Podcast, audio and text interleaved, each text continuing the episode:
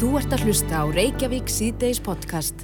Nú er þessi tíð komin upp aftur þar sem að fólk er fara að draga sig þessi hlið inn á heimilin og uh, ég þykist nú vita það að, að fólk sé fara að gefa þessi þegar það kemur að, að vestla maturur á netin. Já, Þetta var mikið notað hérna í fyrstu bylgjunni. mm og þannig komst eða fólku upp á lægi með þetta Já, að miklu leiti, Einmitt. að vesla og margi sem að sögðu að þetta veri mjög þægilegt. já, ég hef hýrt í fólki sem að bara segist alltaf ætla aftur í búð Nei, að þetta er svo þægilegt. Mhm. Kannski bara með morgunkaffinu þá rennir það yfir listan og velur eitthvað maturur. já, já, og svo bara kemur þetta heim setnabættinu, Já, akkurat. eða hvernig sem það er. Það fyrir eftir hvar þú ert á landinu reyndar. Já, En uh, við heyrðum í fyrstu bylgjunni í manni sem veit allt um þessi mál. Hann heitir uh, Gunnar Egil Sigursson, frangvandastjóri Vestlunarsviðs samkaupa, kom til sæl. Sælir. Já, tekur ekki undir það að, að það er að færast aðeins aukinn þungi í netverslun? Jú, ég tek alveg undir þetta að hérna, ef við, ef við tölum með fyrstu bylgjuna, það var, það var ákveðin lærdómi sem við dróðum með henni og hérna, búum að því allar til síðan. En Hvaða lærdóm dróðu svona helst? uh, það sem að gerist í raun og veru í fyrstu bylgjunni er að, að bæði hjá okkur og allstar annars til heiminum að það verður algjör sprenging í eftirspurn og, og erfitt að kannski mæta eftirspurninni frá degi til dags. Mm En við, reyndum, við gerðum allt sem við gátum og, og, og við stækkum okkur mjög hratt en við töluðum alltaf um það þegar að þessi tími var að við spáðum því að það, við myndum sjá breytingu á kaupæðum til framtíðar. Og við höfum eiginlega séð það alla tíð síðan í mars-apríl að, að fyrir og eftir kannski fyrstu bylgjana þá vorum við að sjá algjöra breytingu í kaupæðum. Það voru miklu fleiri sem að heldu áfram á vestlanetinu eftir COVID-ið en þetta kom svo sumarið og allir fóru að reyna að njóta lífsins og það svona færist ákveði jafnvægi yfir en svo í ágúst að þá, þá fer svona aðeins að aukast smittin í landinu og við föndum strax fyrir mikilli eftirspurn og við sáum á, á tildur stuttum tíma að þá tvör til þrefaldæðist eftirspurnin -hmm. og það var kannski það, það sem að við lærðum uh, í fyrstu bylginu, það var að geta skala sig upp og niður dálítið hratt. Þannig að við náðum að mæta þeirri eftirspurn bara mjög vel, þannig að strax í setni bylginu og svo núna, hvað var það, 5. oktober að þá að fara að herða enn frekur á samkominn dagmörkunum og, og þá fundum við aftur fyrir 2. og 3. eftirspurn og við höfum að náða að halda alveg ótrúlega góðu sjó fyrst mér og var bara að taka stöðuna núna rétt hve- hve- hvernig svona dagarnir eru og, og, og við erum að ná að halda nánast í eftirspurnina innan dagsins. Það er svona, hvað ég segja, rú- rúmlega hádegi að þá er svona dagurinn að, sæljast upp en við erum að stækka okkur bara uh, dag frá degi. Við erum búin að fjölga uh, tímslu í okkar verslunum, samhliða vöruhúsin okkar með ráðningu á fólki að því að í fyrstu bylgjunni að þá byggðum við í raun og veru upp miðlæga vörudreifingu fyrir allar heimsendingar á höfbökursæðinu á einhverjum tíu dögum þannig að við erum að, gera allar heimsendingar á miðlæga stað og höfum svo verið að, bjóða fólki að sækja í vestanir okkar uh, og þá er það týnt í teimestinu. Já, hvernig er notkunin á netversluninni núna, svona samabori við eh, hérna fyrstu bylgjuna?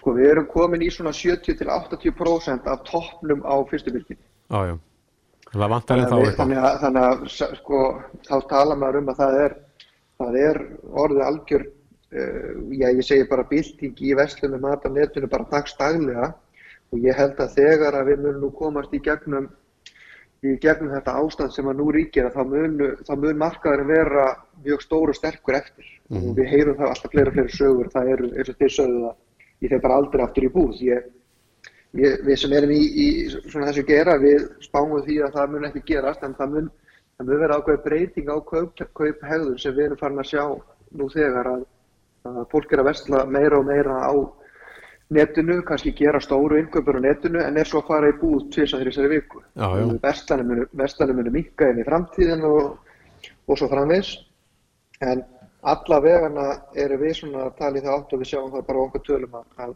við munum, við munum vera alltaf að tala um fyrir og eftir COVID Já. og þegar maður, þegar maður horfir og, og hlustar á kannski þessar stóru netvæstar út í heimi að þá tala mann oft út um, um það þannig að, að þeir lifi árið 2025 núna árið 2020. Mhm. Það er að segja við erum eiginlega, við stukkum óvart fimm ár fram í tíman bara í þróunu eftir spurn eftir, kaup, eftir kaupum og vörum á netinu. Já, en uh, Gunnar, hefur uh, neysluminstri eitthvað breyst? Það er að segja fólk að vesla aðrar vörur á netinu heldur en þegar það kemur síðan í veslunar. Sumi koma svangir í búðina og eru kannski að kaupa eitthvað óþarfa. En, en hefur Eh, neysluminstrið eitthvað breyst? Ég, ég, ég myndi segja sko, nei, við sjáum ekki neina breytingu svona á stóru myndinni. Fólk virðist uh, og hefur alltaf komið okkur óvart í raun og veru að fólk kaupir nákvæmlega sama á netinu og það gerir uh, í búð. Já, já. Um, en uh, það gerir hins vegar stærri innkaup á netinu. Það dálítið kemur heim og saman við þetta að, að fólk er að kaupa náttúrulega kannski þungu stóru hlutina meira á, á netinu í takt við annað og þá frekar að kaupa uh, oftar og léttar og kannski meira ferskum vörum í vestlunum. En þetta er ekkert svona sem hún mælir eitthvað sérstaklega að við sjáum alveg jafn mikið hlut að ferskurum áherslu um grænmeti og kjöti sem geftur á netinu eins og í búð. Þannig að Þetta er aldrei bara sama kaupuðin en, en og ef maður bara horfir á sjálfa sig þá er maður aldrei að kaupa, maður er, að- maður er að horfa marga daga fram í tíman einhvern veginn þegar maður kaupur á netinu fyrir ekkar heldur en maður stekkur út í búð og er bara að redda sig fyrir kvöldmattin. Já, er valmöguleikin sama og síðast í bóði á, á síðunni? Já, það sem er mikið notað er að bæði er, er mikið verið að nota sama og síðast og svo þannig að þú fær bara nákvæmlega sama í körun og, og þú gerir síðast og svo bætur við eða tekur úr en svo er líka tölvöld mikið notað að þegar að, maður segir alltaf þegar að þú ert búin að vesla þrísvar á netinu þá ert þú orðin þáttu mikill netkunni. Vegna þess að þá býrðu til svona ákveðna reynslu sögu og þú býrð til mínar síður þannig að þegar við erum kannski með 6 til 8 þúsund vörur í, í, í vöruvali á netinu þá kannski vilt ekki þurfa að fara í gegnum þar allar í hvert eða skipti þannig að það, það síast alltaf frá og þú getur farið í þínar síður og þá eru þar kannski 100 til 150 vörur og ég nota alltaf þessa sögu sjálfur að maður er að, þegar maður er að kaupa inn á netuna, maður er kannski þrjár mínútur að vesla uh, körfuna fyrir vikuna. Þannig að þegar maður nota mínar síður. Já. Rétt aðeins í lokin, Gunnar, að því við fengum hérna bref frá hlustanda, það sem voru bennir um að kanna e, smá mál og við erum búin að leggja þetta fyrir þig og þú ert búin að kanna, kanna hjá þínu fólki en, en brefi gekk út af það að það var maður sem að fór í verslun og í þessari verslun voru svona tveir eldri menn, þeir voru báðið með grímur fyrir andlitinu, svona maska. Og hann fannst þeir mjög dónalir og hann fór að veltaði fyrir sig hvort að eh, sko karakter fólks breytist þegar að setja grímun upp. Það er að segja verður kannski svona aðgangsharðara eða síni kannski af sem meiri dónaskap heldur en eh, öllu jafna. Hvað segir þitt fólk við þessu? Já, ég veit, ég, ég, ég hringdi á nokkra staði á svona blessunulega þá höfum við allar ekki orðið mörfin einn svona, svona dæmi að viðskiptöfunir okkar eru bara kurteisir upp til hópa þannig að við allavega höfum ekkert orðið varfið svona og, og vonum bara innilega að hérna, það verði ekki að því að í gegnum alla þessar þessar raunir sem hefur gengið í gegnum að þá er það alveg, það er eiginlega aðdánavert að sjá hversu góð samskiptin hafa verið milli viðskiptavinna og starfsmanna og, og við bara, við treystum því að það verður áfram og við höfum engar á að gera svona upp og koma. Nei, við erum í sama liði Við erum öll í samanlíði, Já. líðið við því. Gunnar Egil Sigursson, frangvandastjóri Vestlunarsviðis Samkaupa Kæra þakki fyrir þetta Takk okkur. Bless, bless Þú ert að hlusta á Reykjavík C-Days podcast. Reykjavík síðdeis, það er nú mikið rætt um uh, sóttvarnar ráðstafanir Já. og uh, svona ekki alveg ljós hvaða næstu skref verða stíin í þessum málum. En það gætir óþreyju hjá þeim sem hafa þurft að loka uh, sinni starfsemi Já, uh, og menn er ekki alveg svona á eitt sáttur um hvort að það sé verið að ganga langt hér eða þar. En maður vilja að það sé verið að miða við, það sé eitthvað viðmið, menn hafa eitthvað fyrir sér í þegar menn fara í svona viðtækar aðgerðir. Það segir hérna í, í frétt sem ég rakst á inni á Health Club Management sem er síða sem reikin er af e, þeim sem reyka líkansættastöðar á Breitlandi e, eigendu þeirra í Liverpool íhuga málsókn og segja að það sé ekki mikil rök fyrir því að loka þessum stöðum þar. En þeir vitna í skýslu sem að byrtir hjá BBC þar sem að er verið að fara yfir hvar helstu smitt staðinir eru. Já, og samkvæmt þessari skýslu að þá er um 10% smita á uh, veitingastöðum, mm. matsölustöðum. Eh, 3,4% hjá eh, verslunum og verslunamiðstöðum Já, en eh, einungis 1,4% á líkasættastöðum já, og þeir benda á það að líkasættastöðarnar eru lokaðar en hinn er staðinni það sem að meira er um smitt já, það er opið. það er opið Mhm. á línunni er Vilhelmur Ari Arason hann er eh, læknir og meðlemur í sóttvarnaráði Íslands, komdu sæl Já, sælir. Já, já, menn er að veltaði fyrir sig hvort að það sé verið að fara endilega réttu leiðin og hvort að menn séu með, séu að vinna með tölur og, og staðarindir þegar það farið í svona yfirgrismiklar aðgerðir. Hver er þín skoðan á því? Já, ég er nú fyrst að segja, segja, segja það að þetta er náttúrulega gríðarlega sko, erfitt að eiga við uh, svona smitnæma veiru eins og COVID-veiran er Mm ekkert svona ósipað eins og bara influensa væri kannski á pari við hana og menn reyna þá að ímynda sér sem sagt bæði snertifletu og loftrými. Og eins og þetta gengur fyrir sig hér og allstæðar í heiminu þá er þetta náttúrulega heimsfaraldur og menn eru komin á jafnvel neyðastig -hmm. aðgerða og hér á landi sem sagt eru almanna varnir og ríkislauglustjóri sem stjórnar aðgerðum. Eh, eh, þá ráðuneytið sem sagt smittsjúdómalækna og sem er kannski best að þekkja til eh, veirunar og eh, sem sagt þannig að, að þetta er í rauninni bara hamfarir sem að er verið að, vinna, vinna á. Eh, við erum alltaf að nálgast en að sannleika svolítið meira um hugsaðlega hvar smítið, hvernig smítið best á milli og, og hverjir eru kannski varasumustu afstæðunar og eh, samkvæmt svona þessum bara al- almennu reglum þá er það náttúrulega allstað það sem fólk kemur saman og, og, og, og það eru sem sagt fleiri snerti fléttir og, sem sagt, það sem kalla svona, já, það sem eru beina smítleiðir og, svo þessi námdamörk það sem getur verið úðasmít eða, eða hérna loftbóri smít og, og jafnvel eh, smít í, í ríki. Þannig að sko ég get ekki sagt, uh, mér finnst svona að horfa á þetta, þá er náttúrulega mikið nálað ofta á íþróttastöðum og, og það er híti og, og það er hröðöndun og þannig að maður myndi ímynda sér að þarna væri eh, meiri smíthætta heldur en uh, svona kannski bara í svona al, almennri umgengni. Já, það er eitt sem að maður getur ímynda sér en svo erum við með reynslu og það er- eru ákveðna tölur sem að segja kannski aðra sögu. Já, ég, ég, ég get alveg ímynda mér að veitingarstaðir og slíkir staðir séu náttúrulega miklu meiri áhættu með smitt heldur en, en líkastastöðvar og ta- talingi um kannski hérna sundstaðirnur okkar.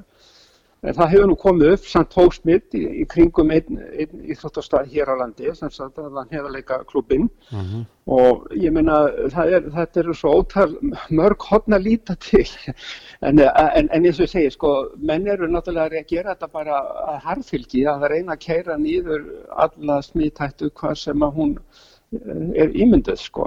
Hmm. En þá er kannski annar möguleiki sem er búið að velta upp og hefði verið þá steinsalegt kannski að, að loka bara öllu í, í stittri tíma til þess að kveða þetta niður í staðin fyrir að vera að loka svona eh, bróður partinum af ímiskona starfsemi í lengri tíma.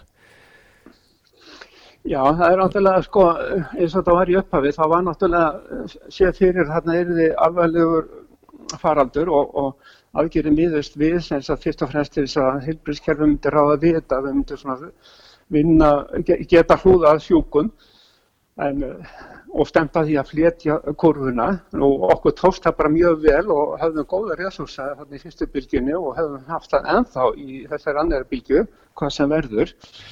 En, en þessar aðgerðir að slá allt niður, það hugsalega þá bara senkar að önnur bylgja komi. Og við, ef, ef við gefum okkur það að við sem að býða eftir lausnið svo bólefni, þá er það þess vel, vel þess virði. En, en ef ekki, að þá draugum við þetta náttúrulega þá bara á langin og við kaupum okkur kannski svolítið friðis og okkur tókst að gera í sumar. Þannig að þetta er rosalega vand með farið, sko, hvernig við ætlum að takast á þetta. En Er ekki unni út frá því að, að það sé Þetta- Við bólefna verðum að takast bara á við þetta þannig að við ráðum minnst við álægi. Sko. Já, en það er unnið út frá því að að bóluefni sé á leiðinni, það sem að margir framleiðendur er nú í óðaun við að? Það er ekkert unni, það er bara vonast til þess og menn, það er eina, svona, er eina glætan svona, sem að menn sjá í, í, í, í náinni framtíð Mhm. en það er ekkert á, á, á vísan að róa þar og þetta bólefni er miklu vand með farnar heldur en kannski mörg önnu bólefni við öðrum veirum. Það er ekki reynsla fyrir þessu líku bólefni áður og alveg eins og við vitum hvernig veiran haga sér svona alveg mjög furðulega þá vitum við ekki hvernig svörun verður við bólefninu og aukaverkanir þannig að það er mörgum mörg ósvarað í því efni sko. Þannig að það er bóluefni eða hjarð ónæmi. Já, tvennt. hjarðónam er náttúrulega það sem er náttúrulegt eh, í náttúrulega vörn í öllu smittsjúkdómum. já, sérst annars vegar að forða smitt eða það er og uh, þegar það eru faralduræð og smitt er svona manna milli og svona smittnæmt að þá í rauninni er það hjarðónami sem, sem að gildir. en uh, þú ert í sóttvarnaráði Íslands. Hefur sóttvarnaráðið eitthvað verið haft svona með í, í ráðum í, í Já, þessum já, faraldri? það hefur verið haft eh, svona með í ráðum svona kannski, kannski meira eftir á, höfum sem sagt ekki verið mótandi í stefnu sóttarna læknis, við höfum verið meira svona til samráðs kannski eftir á. En, en í lögum er það þannig að, að sóttarnaráði kalla til eftir geðþótta ráðherra eða sóttarnalæknis. Þannig að þeir eru bara ekki bundnir að því að, að leita meira til ráðsins heldur en þeir vilja. Finnst þér að það hefði mátt leita meira til ásins heldur en gert hefur verið? Eh, Ég hef haft þá skoðun vegna þess að ráðið að skipa fulltrúum helbriðstjætta og við erum með aðra nálgun heldur kannski smittsjúkdómlæknandi sjálfur. Við erum að vinna út í feltinu, ég er að vinna hér eða ég er að vinna að bráða móttöku. Ég sé kannski hlutina svolítið öðruvísi heldur en smittsjúkdómalæknir. Já, þannig að þér finnst skort á svona samráð Já, við- það er alltaf að tala um svo mikið samráð öllum vettvangi, öllum vettvangi frá byrjun. En samráðu eigi ráð hefur verið mjög takmarkað að mínum mandi. Já, Viljanmur Ari Arason, uh, læknir og meðlimur í sóttvarnaráði Íslands. Kæra þakki fyrir spjallið. Þakk ykkur. Bless. Hlustaðu hvena sem er á Reykjavík C-Days podcast. Reykjavík síðdeis í gær heyrðu við í Ólafi Guðmusinni, umferðaröryggi sérfræðingi og var að borga fulltrúa sjálfstæðisflokksins sem að sagði að borgin væri með þá stefnuskáni sinni að draga úr hraða í borginni og, og uh, að víðast hvar er því 40 km hámasæði þar sem að nú er 60 eða, eða 50 og uh, sagði að það væri gert óháð því hvort að þar væri um að ræða kabla sem að væri þekktir fyrir slís eða annað að þetta væri bara stefnan að draga úr hraða í borginni og um, á línunni er Sigurborg Ósk Haraldsdóttir formaður umhverjus og skiplaðsás Reykjavíkuborgar, komdu sæl Sælir. Já, er þetta rétt? Er, stendur til að, að draga úr hraða í borginu svona bara heilt yfir? Já, svo sannarlega. Við erum einmitt að, að skoða það og erum búin að senda út tillegur í, til allra íbúaráða Mm uh, sem snúa því að, að lækka umferðarhraða í, í öllum hverfum borgarinnar. Og hver- er ástæðan fyrir því? Já, svona grunn ástæðan er að sjálfsögðu svo að, að hérna, fækka slísum og, og fækka alvarleika slísa. En er þá ekki nóg að gera það? Já, er þá ekki nóg að gera það á þeim köplum þar sem að slís eru þekkt?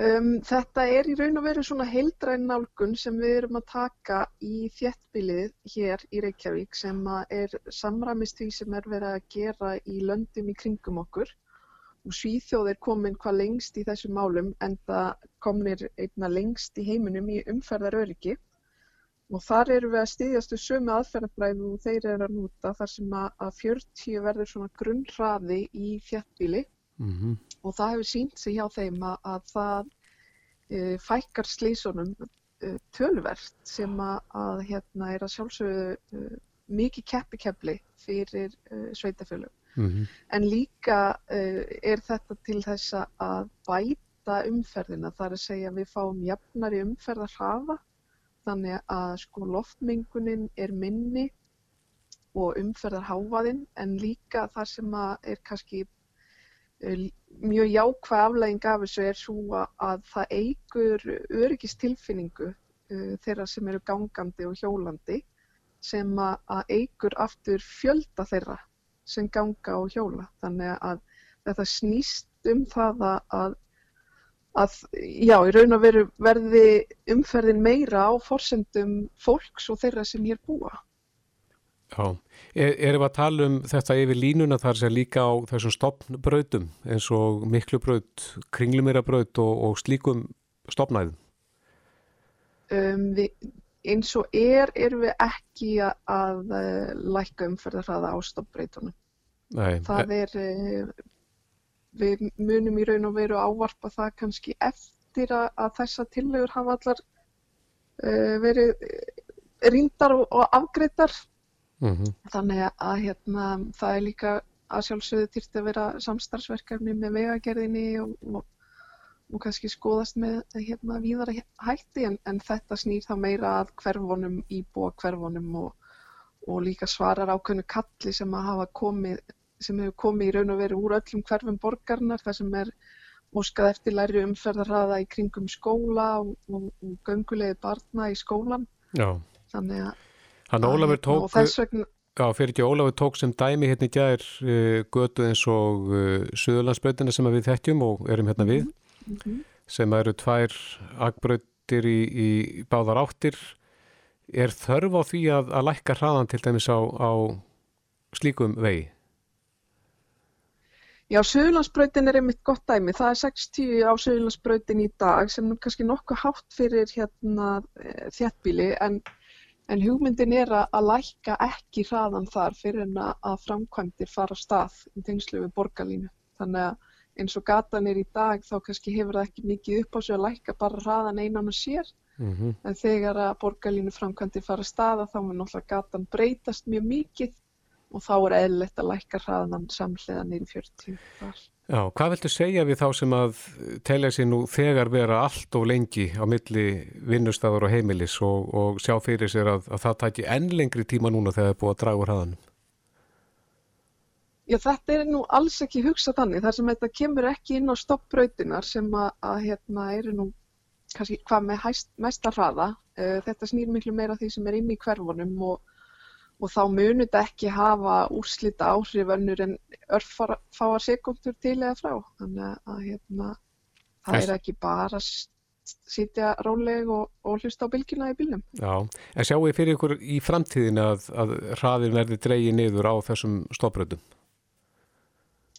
Ég, við verðum bara að sjá til, það, það er í raun og veru ekki kominast að vinna við það en, en hérna, hún er því þá alltaf gerð með vegagerðinni og, og og í, í hérna stærra samhengi þannig að mm -hmm. ég held að sé ekki hægt að segja til um það núna en, en núna erum við einbeitt okkur að hverfunum og, og, og skólunum og því sem að íbúr hafa kallað eftir en það eru tillögunar allar til umsagnar hjá íbúa ráðum borgarinnar. Já, og hvernig áttu vona á því að hraðanu verði breytt?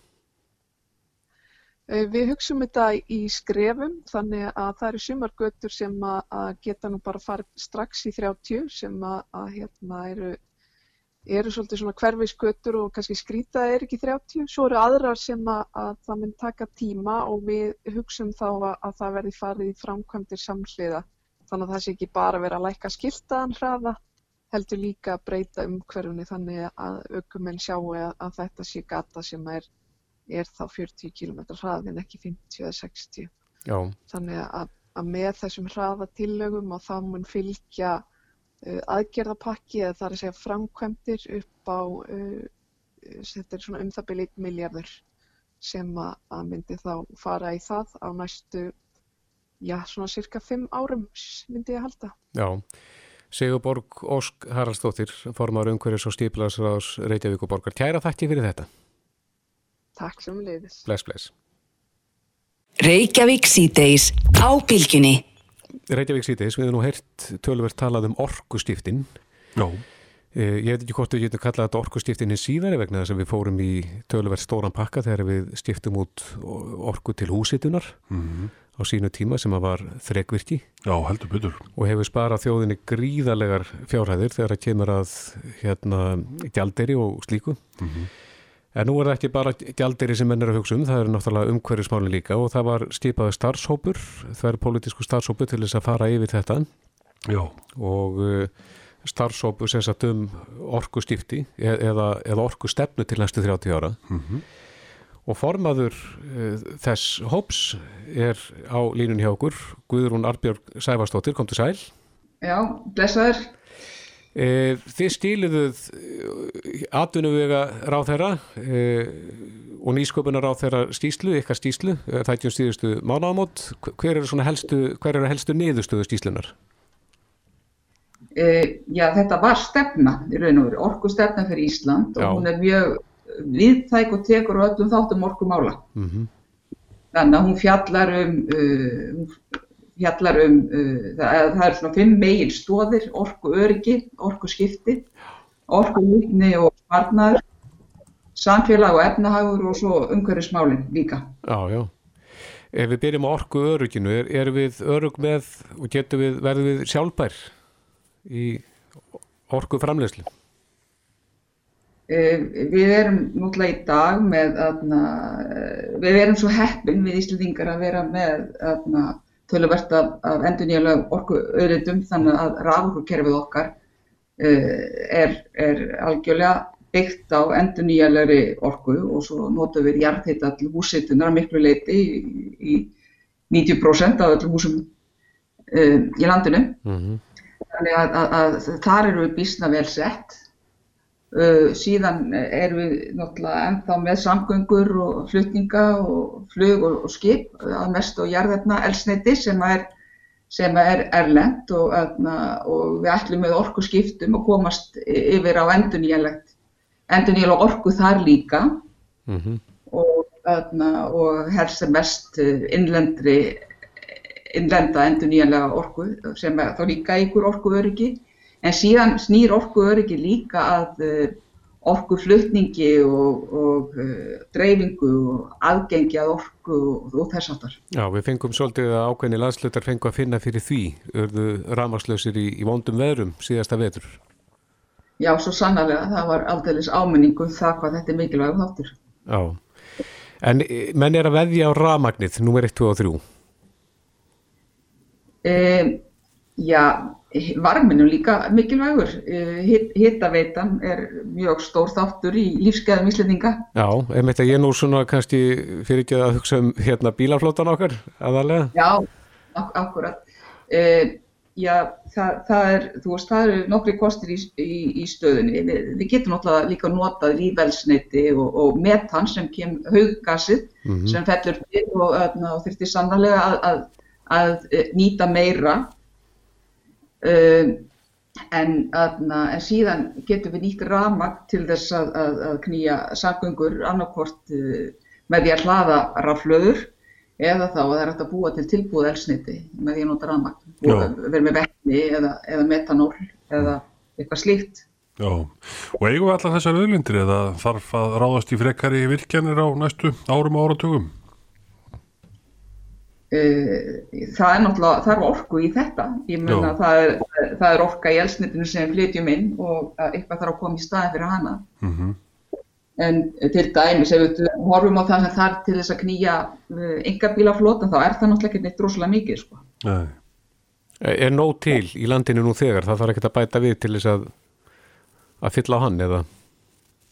Já, ef við setjum, uh, setjum uh, engabílana yfir á, á ramagn, yfir á bat, sem sagt, ramaspílar alls saman, þá, uh, þá er það, ég man ekki alveg töluna, það er svona starðagráðan, allavega ekki meir en 150 megavött jafndreift yfir árið Já, sem að, sem að þyrftir til þess að, að, að, að til þess að keira alla engabílana á ramagni, en ef við færum yfir á vettni eða eða metanól með bílana þar sem að við værum þá að nota raforku til þess að framleiða vetni eða raforku til þess að framleiða vetni til þess að framleiða metanól þá þyrftum við meir en, en, en 400 megavött. Þannig að það fer svolítið eftir tækninni sem er valinn. Eh, Það er mjög nýtið að, að, og lítil sóun í að nota raforkuna beint mm uh, gegnum rafluður. En hverjum við komum inn á hérna í inganginum hvers slags risa stökk þetta var á sínu tíma þegar við fórum með húshitunina yfir í heitavatnið og, og þessi sparnaði sem hefur orðið á eh, bara gjalderi, hafið þið ykkar vinnu reiknað út hvað þjóðfélagi kemur til með að spara í krónum og aurum á þessum stiftum? E, ég hef nú ekki með þær tölur á, á hraðbergi en, en þarna, e, það mætti nú alveg grafa þau upp hjá hagstofinni hvað Íslandingar eru að, að setja miklu pinninga í að, að, að e, í elsniti sem er flutt inn. Mm -hmm. En er, en er sem sagt ofinbér stefna þá núna og, og til næstu 30 ára að útrýma jarðefna elsniti í, sem orkugjafa? Já, Ísland verður óháð jarðarna elsniti.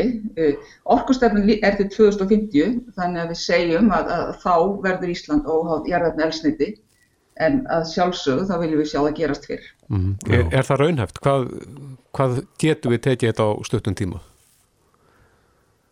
Uh, það er, aðna, við, nú tölum við um orkuskipti bæði í lofti, láð og leiði. Mm -hmm og, og orkuskiptin eru lungu hafinn hvað var það enga bílana uh, þar getur við núna bara farið út í umboð og keftir, keftir bíl sem að, uh, kem, kemur þér á einni hlæðslu uh, frá Akureyri til Reykjavíkur einmitt En, uh, en síðan þá erum við líka með flutningabílana, þungaflutningana og svo erum við með skipaflottan og, og, og svo flýið sem verður kannski Eh, erfiðast viðregnar. Mm. Er regna með að uh, það verði áfram uh, ferðast landslutægi milli og flutningar farir fram í, í bifröðum eða eru lestar samgöngur einhverstaðar uh, í þessum blunum? Um, ég, við við atna, veltum ekki upp möguleikunum á, á, á lestaflutningum. Nei. Það held ég að sé svo dýrt fyrir Íslanda því að við erum svo strjálbíl. Mm -hmm það er mjög dýri innviður að byggja upp lestateina og, og slíkt. Já, akkurat. Þannig að verður þetta áfram á, á, á, á bílum en einhvern veginn þurfum við að, að knýja uh, svo þungaflutninga á okkur öðru heldur en jarðarmeðelsniti. Mm -hmm.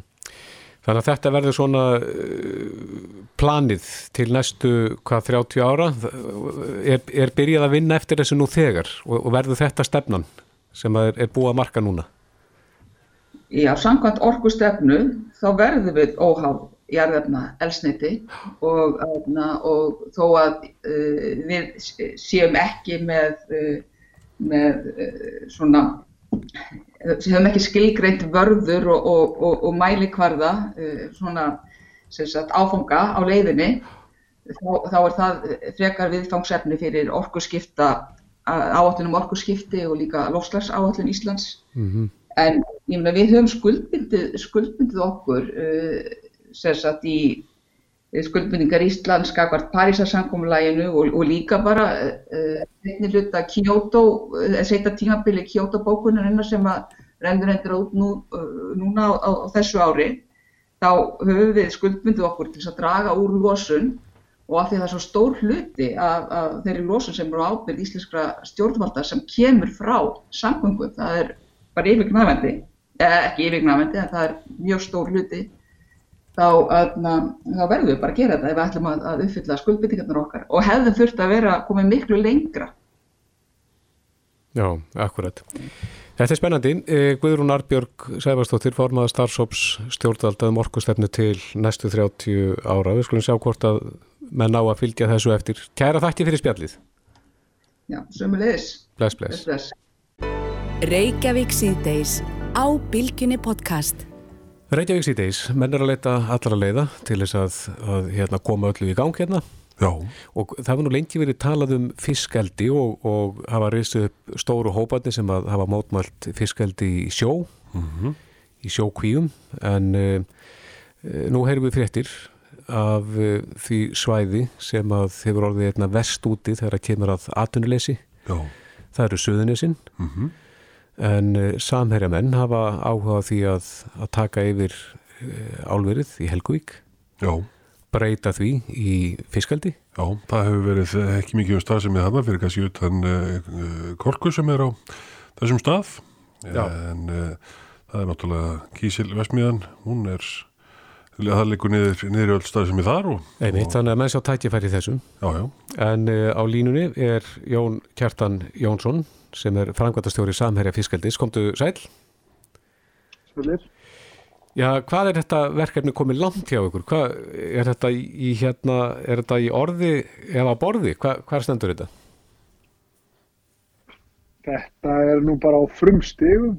Það, það er svo sem við erum búin að gera samkominlega við Norðurálum mögulega kaupa þessum eignum og erum að skoða hvort það sé hægt að setja upp lagsendi í þeim. Já. Þannig að Er, er, er gamalt álver, er það kjörið fyrir fiskaldi? Þetta er náttúrulega flokkast kannski ekki sem gamalt álver, þetta eru fyrst og fremst byggingar með þakki og, og víti vekki á hátti loft sem Já, að þetta er nú flestir í starfsemi. Komst ekki svo langt að, að verða álver? Nei, þannig að það er engin merkjum álver þarna. Já, við erum að tala um þessar löngu byggingar, kerskálarna svo kalluðu. Já. Akkurat. Já, en eins og ég sagði mér þetta þá hefur svona staði styrum hérna, fiskeldi sjó. Er, er þetta stefnubreiting eða af hverju sjáu þetta sem góðan kost? Samiri hefur náttúrulega verið í landeldi í 20 ár. Já. Þannig að það er svo sem engin stefnubreiting að vera í því. Og, og en ég og er mjög hlindur fiskeldi í sjó. Þannig að það er ekkert með, það, það vinnur ekki hvort á móti öðru, það eru bara mismunandi möguleikar. Mm Og hver er, hver er helsti munurinn á að rækta fiska upp á landi eða í sjó? Það hefur nú hingað til verið dýrað að rækta á landi, að það sé nú bara sagt og það er ástæða fyrir að tegja út í sjó. Mm En hins vegar eru náttúrulega ekki lús á landi og það eru hverfandi líkur á slísasleppingum sem eru kannski þessi hluti sem er mest talað um í þjóðflæðinu. Já, er ykkur mun... þar hefur það ákveðin vinning en hefur hingað til verið á allt öðrum stærðar skala heldur en sjókvíaldi og þessum að dýra. Já, er ykkur munur á bræðinu? Það verður náttúrulega, sko, mér finnst náttúrulega matur og fiskaldi mjög góður og mér finnst minna sjálfsögðu langt best og hveti bara til að prófa. Já, já. En, en svona, það, það er svona meira í fóðrinu heldur, heldur en og í hugamanns. Já, en þetta verkefni að því að eins og við sögum hérna á þenni ingangnum að þá hefur þetta svæð orðið hérna vest úti þegar það kemur að atvinnuleysi. Eh, hvað myndi þetta skapa mörg störf? Það er ótímabært að vera að tala um hvað þetta skapa mörg störf. Það veldur á óbúslega mörgum fórsöndum, fyrstulega hvort þetta sé hægt Mm hvort, og þá hvort að þessu yrði. Og síðan eru ákveðin ráefni svo maður getur takt sem þar til fiskaldis og þarna er vatn og varmi stórir hana hluti sem áhrif á það hvort þetta verður og hvað þetta er stór. Er þetta átjásanlegu staður, já, þetta er átjásanlegu staður vegna jarðvarmans og, og þarna er stutt í sjóin.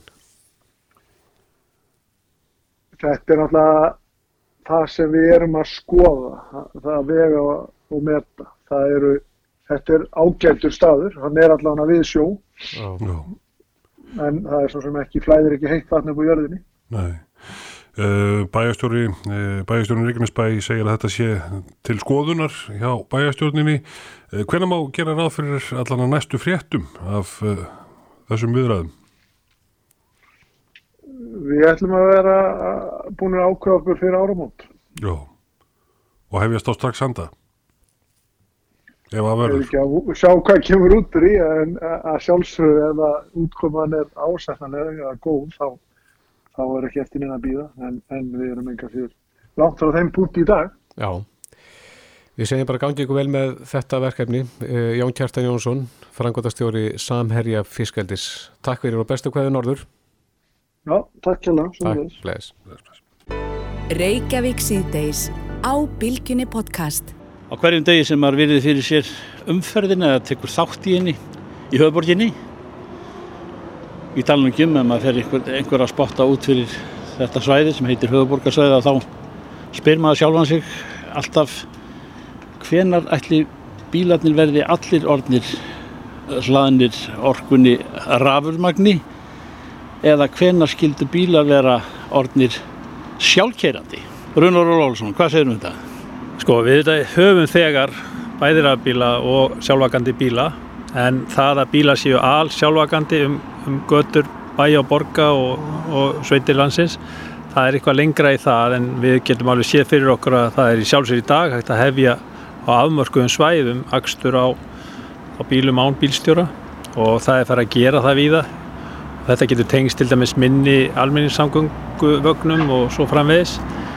Og e, það var nú hérna ráðstefna fyrir tæpum tveimur árum hérna á Íslandi og þar var sérfræðingur frá, frá erlendu bílaframleganda sem talaði um það að það er sannlega ekki langt í það að, að svona svæði eins og til dæmis Kvosin hérna nýri í kjarnareikjaaukur að þar myndu menn ekkit aka um nema bara undir stjórn einhvers miðlags gagnagrunn sem að stýrði umferðinni þá og þá geti verið bara metir á milli bíla og, og menn færi bara á lögbundun hraða og, og allt í rauninni væri, væri stýrt þannig að flæðið væri hámarkað og, og nýtingin hámörkuð mm. og við munum sjá þetta gerast á næstu árum og svo stundum þá finnst mann eins og fólk sé að hugsa allt og skamt varandi innleggingur rafbíla þá auðvitað heyrðum við bara nýlega viðtal við til að mynda Bjarnar hjá Orkuveitunni og hann segir að þeirra áallanir sem þeir eru öflugastir í því að reysa hraðhleyslu stöðvar út um landa allt að þeirra áallanir gerur ráð fyrir að þegar árið 2000 og uh,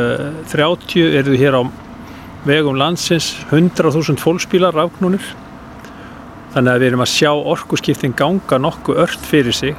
Frambúðar af bílum er að stóra aukast við sjáum að þetta er líka að gerast í, í landsamgöngum þar segja samgöngum á landi þar segja landflutningum. Uh, nú nýverið var til að mynda mestis Benz framlegandin að kynna nýja flutningabíla sem eru rafknúnir og Þeir segjast geta lofað 200 km drækni í þjættri borgarumferð með fulla hlæðslu á þessum bílum. Og síðan eru þeir að, að, að bóða komu á markaðin vettnisknúina hérna, flutningabíla sem að munu geta farið alltaf 1000 km á, á, á vettnis, vettninu sem hægt er að, að dæla um borði í bílinn og þannig er þetta ekki um vettnisgas, þetta er vettni í fljótandi formi en sem aftur er breytt í raforku í bílum þannig að þetta er rauninni rafbíl en þarna er, er hérna vettni nota sem rafgeimsla ef svo mórið komast. Þannig að allt það sem þú segir Rúnolfur er, eru dæmum það að það er úr vönda að ráða þegar að þróun er þetta hröð og við þurfum að eh, veðja á réttan hest. Já, ég sko, það er þetta mikið rætt um samgókur við á höfuborgarsæðinu og við við búum eftir sem áður í, í Örborg en við sjáum það að þróun hefur verið þá átt að, að e, það sem við kollum áður útkverfi það hefur tekt sig bæði söður, norður og, og, og austur. Við sjáum að Selfoss, Akranes, Keflavík, þetta er orðið hluti af stór höfuborgarsvæðinu og þetta er orðið söfnunarsvæði höfuborgarinnar. Það er fullt af fólki sem að kannski á tækifæri til þess að byggja aðeins starra í kringum fjölskylduna ef það býr í þólásöfn heldur en ef það byggi hérna í höfuborginni og þessi þróun hefur verið eigað sér stað og við þurfum líka að huga þeim samgöngum sem að tengi þetta fólk við kjarnan hérna höfuborgarsæði e, við munum sjá það að það, það er ekki svo, svo einfalt að við getum bara farið í til dæmis ykkur almenningssamgöngur eins og borgarlínu sem munir leysa öll mál eftir sem áður með langstæstur hluti íbúan að nýta sér engabíli með einu með öðrum hætti. Og við erum allan að sjá það ánægilegu þróun að nýri bílar og hvað þá nýjistu rafbílarnir, þeir eru sko menga ekkit á við aðra bí, fyrir, fyrir kynnslóðabíla og við erum að fara sérst í miklu umhverju svætni enga bíla við erum að fara í miklu örgari tæki. Þau bæði verja þá sem í bílum eru og þá sem eru nálagt bílum miklu betur en áður af því það eru skinnjarar, það er hluta þessu sjálfvagandi kerfum að þeir eru skinnjarar sem skinnja allt sem í kringum er. Þannig að þróun er í sjálfsveit mjög björnt og við erum nú á þeim aldrei þorgera, við munum eftir því að þegar við vorum að vaksa úr grassi þá var alls ekki bíl á hverju heimili. Og það getur vel verið að bílum eða eftir að fækka úr því að vera kannski tveir að meðaltala á heimili og nýri eitthvað, eitthvað minna en eftir sem áðum með bílinn eða eitthvað forma bíl vera eitthvað sem fólk mun nýta sér og, og munu þetta við þurfum alltaf að koma fólki á milli staða, við þurfum að koma börnum á leikskóla og svo framvegis. Sum hendar ágætlega að nota aðra samgöngumáta en flestir geta lít án bílsins verið. Mm. Og svo er það það sem kemur nú til sögunar, maður, þetta er bara það sem mann er dektur í hug þegar, þegar þetta ófjöti sem hefur kent við COVID er farið að setja mark á allar aðtapnir okkar og þar á meðal ferðalög okkar sem hafa greinlega minnstakostum stundarsækir dreyist saman. Og svo er komið eitthvað til sem að heitir fjárvinna eða ráðstefnur uh, bara gegnum tölfur fullkomnar og maður tekur nánast þátt í þessu á degi hverjum.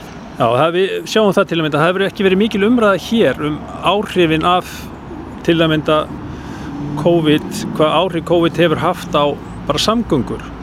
Ef við horfum til nágrannlandana, horfum til að mynda til, til Barcelona á Spáni, því þú ert nú í Barcelona treyju, þá, þá hefur orðið 50% samdráttur í, í nýtingu á almenningssamgöngukerfinu í Barcelona frá því að COVID er skalla á núna í, í vetur sem leið. Og uh, menn eru meiri sér að sjá fyrir sér að, að, uh, að það gæti verið að það er svona frekar hæg breyting upp á við vegna þess að fólk er, jú, að meira að vinna heima. Fólk, það er meira sér að við séum það að markaðarnir í stórborgum í kringum okkur hafa farið og í þá átt að þar hefur fólk farið að í auknum mæli að leita eftir húsnæði í útjæðri, útjæðri byggða. Eh, það kýs frekar aðeins meira fámenni og minni þjertleika til þess að auka öryggi sitt og hefur þá kannski valum auka rými til dæmis til að geta haft skrifstofu, heimaskrifstofu og einhverja aðstöð til þess að vinna heima. Það er ekki alveg sjálfgefið að í, í lítilli íbúða það sé auðvelt að vinna heima því bæði það að foreldrar geta bæði þurft að vinna heima, börnjabil að sækja hluta námi heima og svo framvegis að þá getur þetta gert aukna kröfur um aðeins auki rými í, í í íbúðarými hjá fólki.